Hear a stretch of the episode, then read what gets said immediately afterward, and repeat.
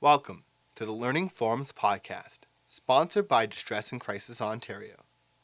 Learning Forums offers programs specifically designed for DCO member organizations. This podcast is meant to inform, educate, and support your work. Enjoy the program, and we welcome your comments and feedback at learningforums.ca slash contact with the subject podcast.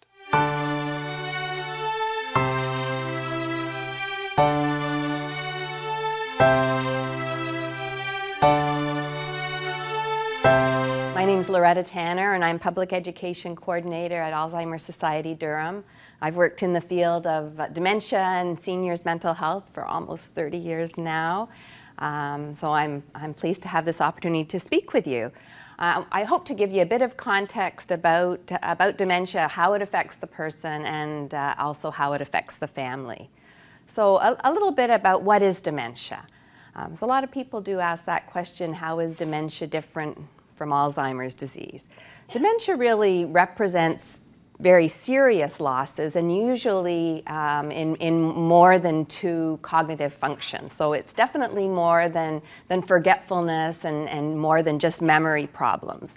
Uh, usually the, these problems are serious enough that they cause a person to have changes in their day-to-day function. So that's another, another important aspect of dementia.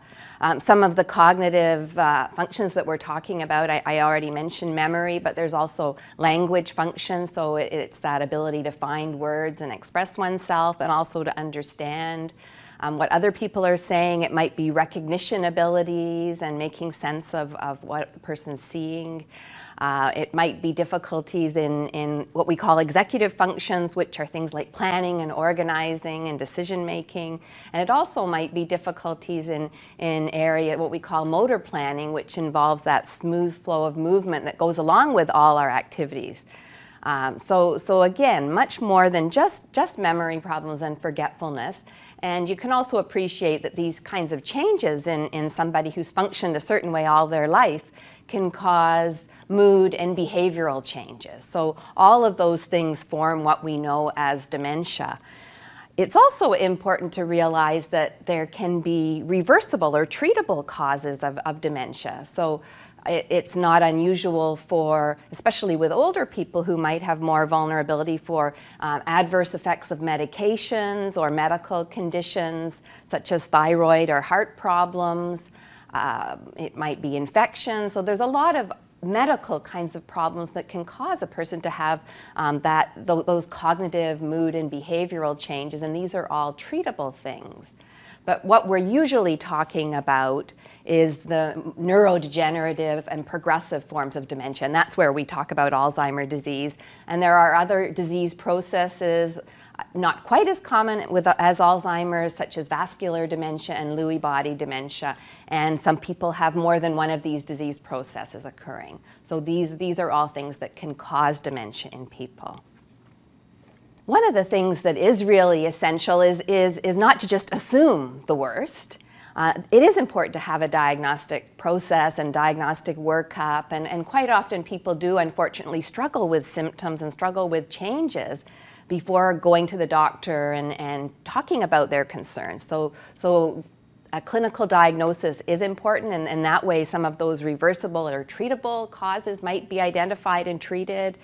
Also, important to differentiate what is going on with this person, and that way they, they, they can look at appropriate treatments. And also, it's a, it's a way of explaining what's been happening to that person, perhaps um, for sometimes a year or two.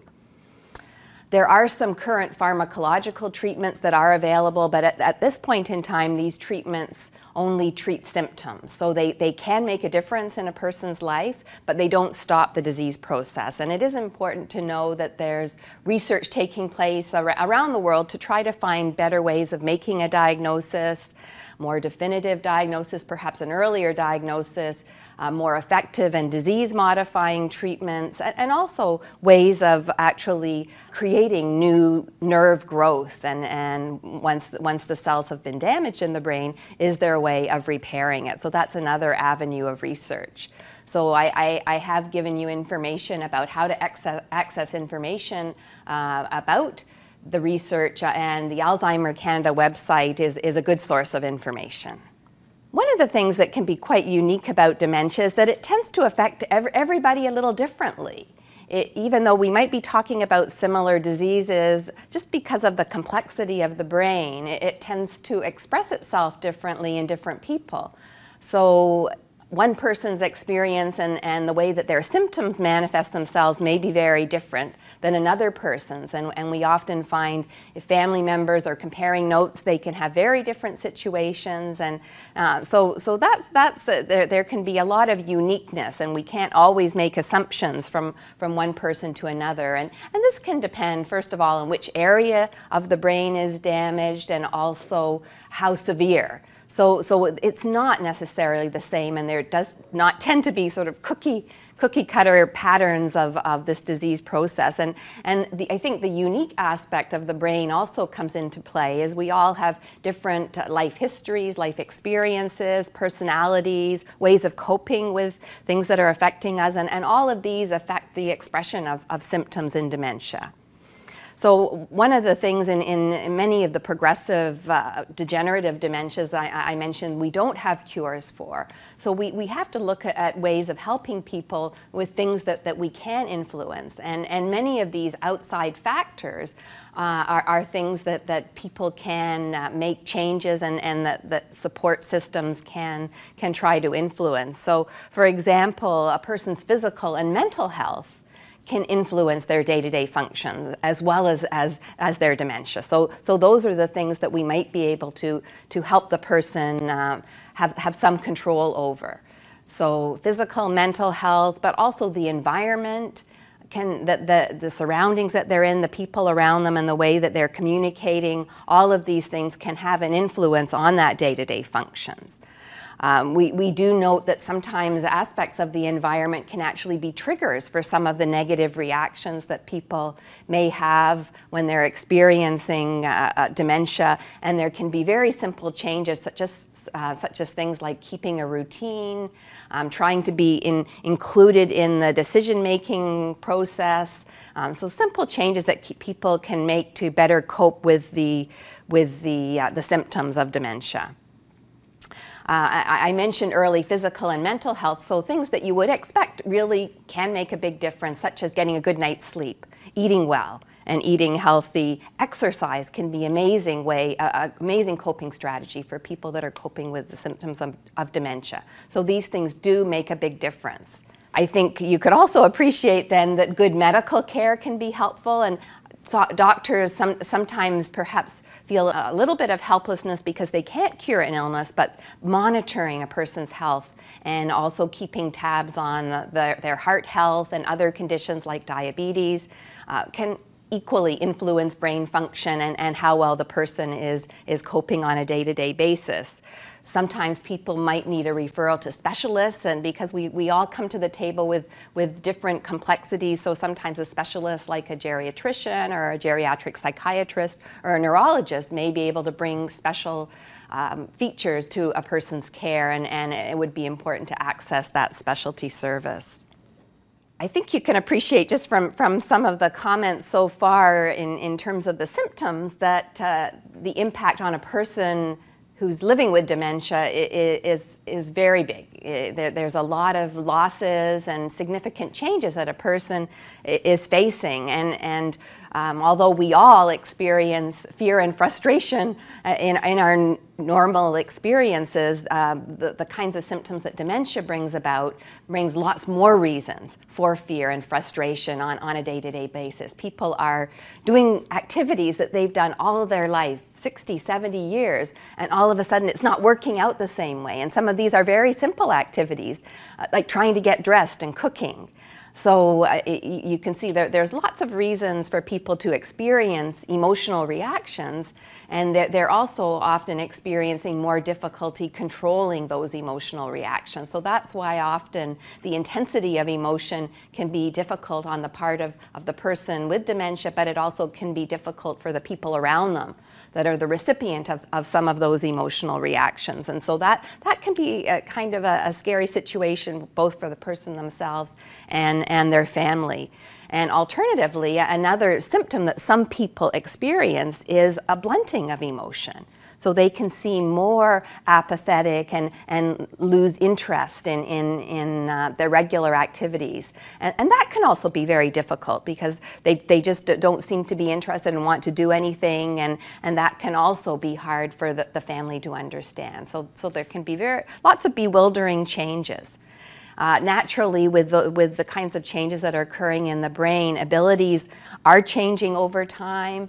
It, it, it, doesn't mean that a person can't function at all. There can be many years of, of, of mild changes, uh, but it might just take longer for a person to do something, and they, they might need more time, and it might take more effort and attention on their part. So again, that can bring in the aspect of the environment that if there's, if, if all of a sudden um, the furniture's changed and the, and the, the decorating is changed, that, that can be sort of harder to make sense of. And, and people off, uh, do depend a lot, again, on routine and consistency to help them cope and function and understand what's going on around them there tends to be a pattern of losses, and usually people lose um, their abilities related to more complex activities first and, and can retain for many, many years those simple, habitual, everyday activities. And that's something that, that again, maintaining function and, and finding ways to keep on doing what they can do is very, very important and reminding those around them to, to support them in that endeavor. Again, they might need more time, they might need a little bit of, of support and perhaps uh, um, some help making things a little bit simpler, um, but it's important for people to keep on doing what they can do. Uh, again, you can probably imagine that there, there can be some potential for conflict in the situation as of somebody wanting to be independent, but there also being concerns about their safety. And that can often be a serious source of, of conflict between family members and also stress on, on both sides. How do we uh, help and support somebody's independence while keeping them safe, and sort of where do we draw the line? But people don't lose uh, all of their brain overnight. They don't lose all of their abilities overnight. Abilities persist even into the later stages.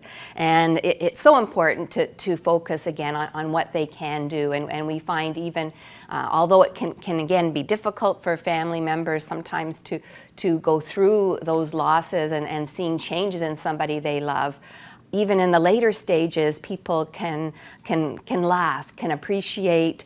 Um, things that, that taste good, things that feel good, pl- pleasures that, that they may have had all of their lives, they can still get a lot of enjoyment. Music is often something that can still reach, reach people. So, so there's lots we can still do for people all along the way.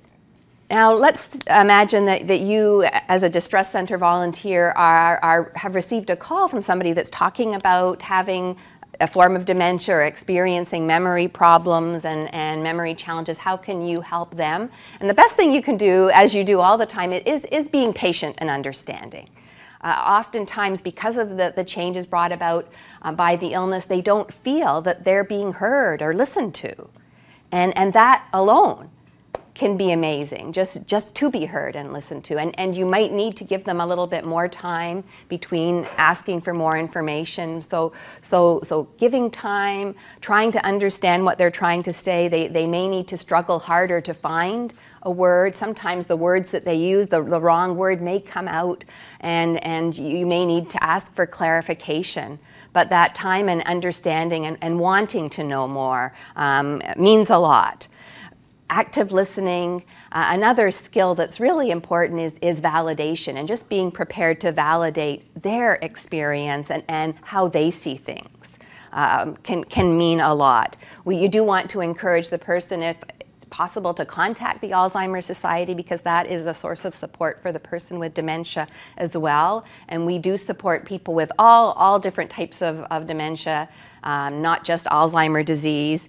So they, they may have opportunities not only for information and support, but there are early stage programs that can uh, allow them to meet up with peers and people that are going through a similar uh, experiences, and that, and that can be very valuable. We've talked a little bit about the impact on the family, and, and I, I, I, think that perhaps from a distress center point of view, that you may be getting more calls perhaps from family caregivers. And uh, it, it's, it's important to give consideration to, to the impact uh, of these very life changing conditions on family. Um, just having the, the changes in communication abilities, mood, and behavior that people are going through, uh, very, very hard on family relationships. Again, people may have been married 35, 40, 50 years, and all of a sudden, uh, they're, they're, they're, they're, they may be dealing with a very changed individual, and, and that person isn't always able to appreciate uh, how, how they're, they're, they're impacting a spouse or an adult child. Uh, it, it, it's so very easy for families to get overwhelmed. The symptoms are very bewildering. There's lots of tough decisions right from the very beginning. Potential, as we pointed out, for conflict laden interactions. The disease process can be very um, complex. Uh, as I mentioned, everybody's ex- experience can be a little different. It's not always what you read in the book, and um, so so lots of complexities.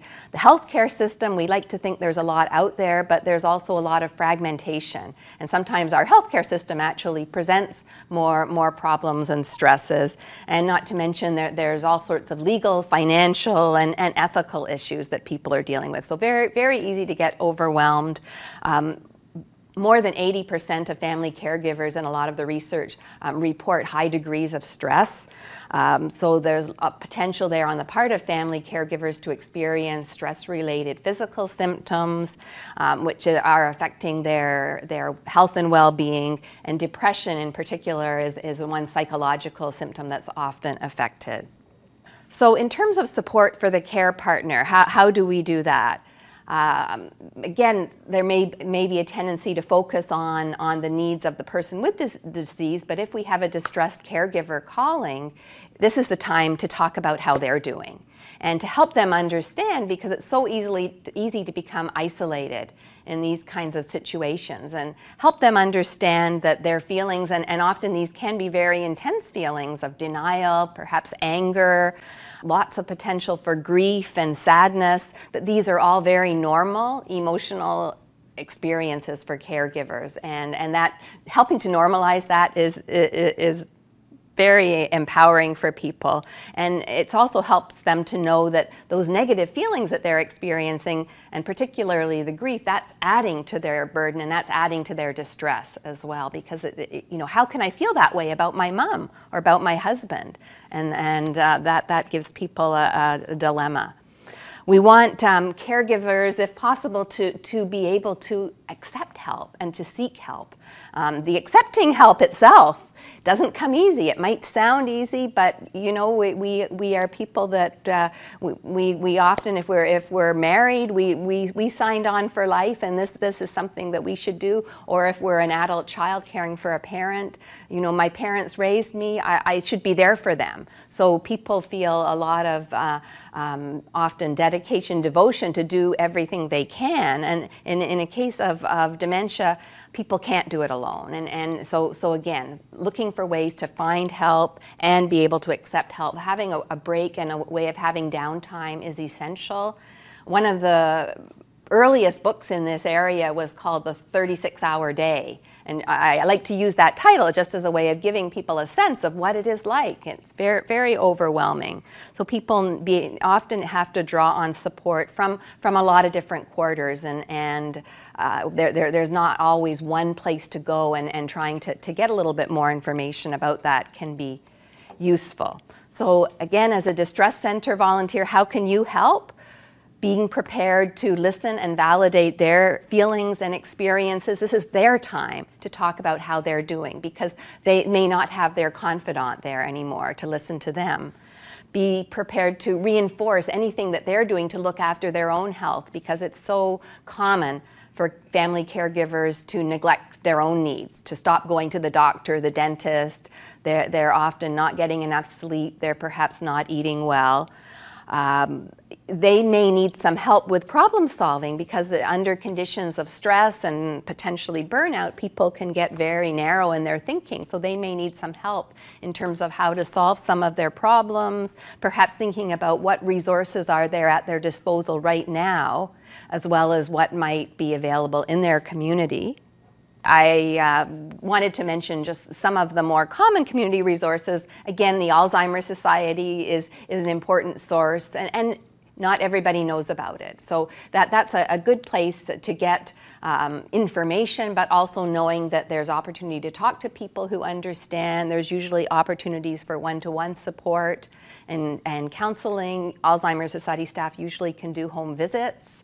There, there's uh, support groups usually with lots of lots of flexibility for people, so they can meet with with peers and others going through the same kinds of challenges. And there's uh, uh, usually lots of opportunities for education and, and learning more if, if that's what they're interested in.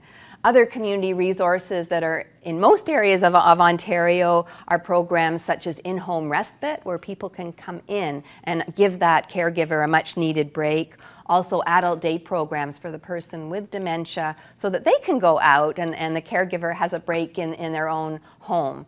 So, so again, all of those things do sound good, but sometimes caregivers need some support in, in, in accepting those types of programs.